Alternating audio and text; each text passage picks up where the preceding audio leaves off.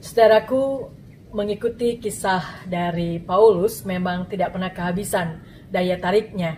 Dan saat ini kita yang mengikuti Paulus yang ada di Antioquia. Tepatnya ketika Paulus ada di salah satu rumah ibadat dan pada hari Sabat.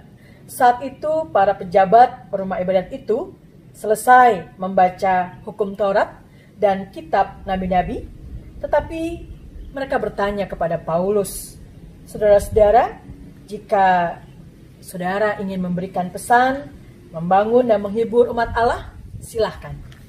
Saudara, kalau kita diberikan kesempatan seperti ini, apakah kita siap? Dan tentunya sebagai seorang rasul, Paulus sungguh siap. Dan apa yang diungkapkan oleh Paulus? Rupanya ketika Paulus bangkit, dia siap untuk menyampaikan khotbah dan dalam khotbahnya itu dia mengingatkan pada karya keselamatan Allah.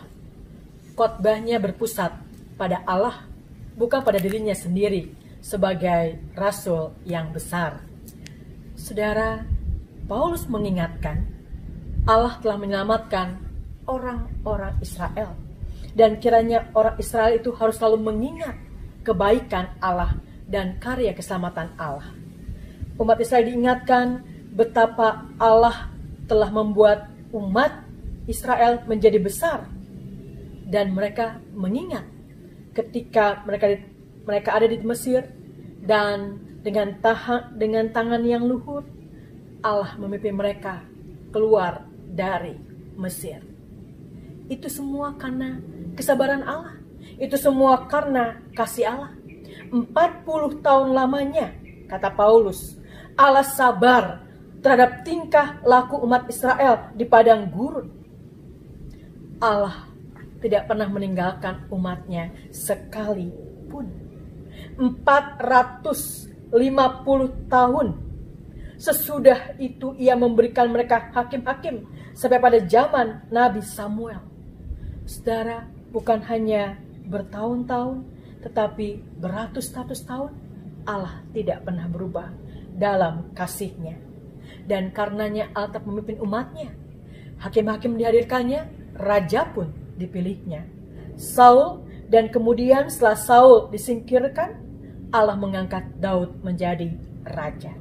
Saudaraku yang terkasih, dari keturunannya lah kemudian, dari keturunan Daud inilah Allah hadir melalui Kristus Yesus yang dia bangkitkan sungguh tentunya sebagai juru selamat bagi umat manusia.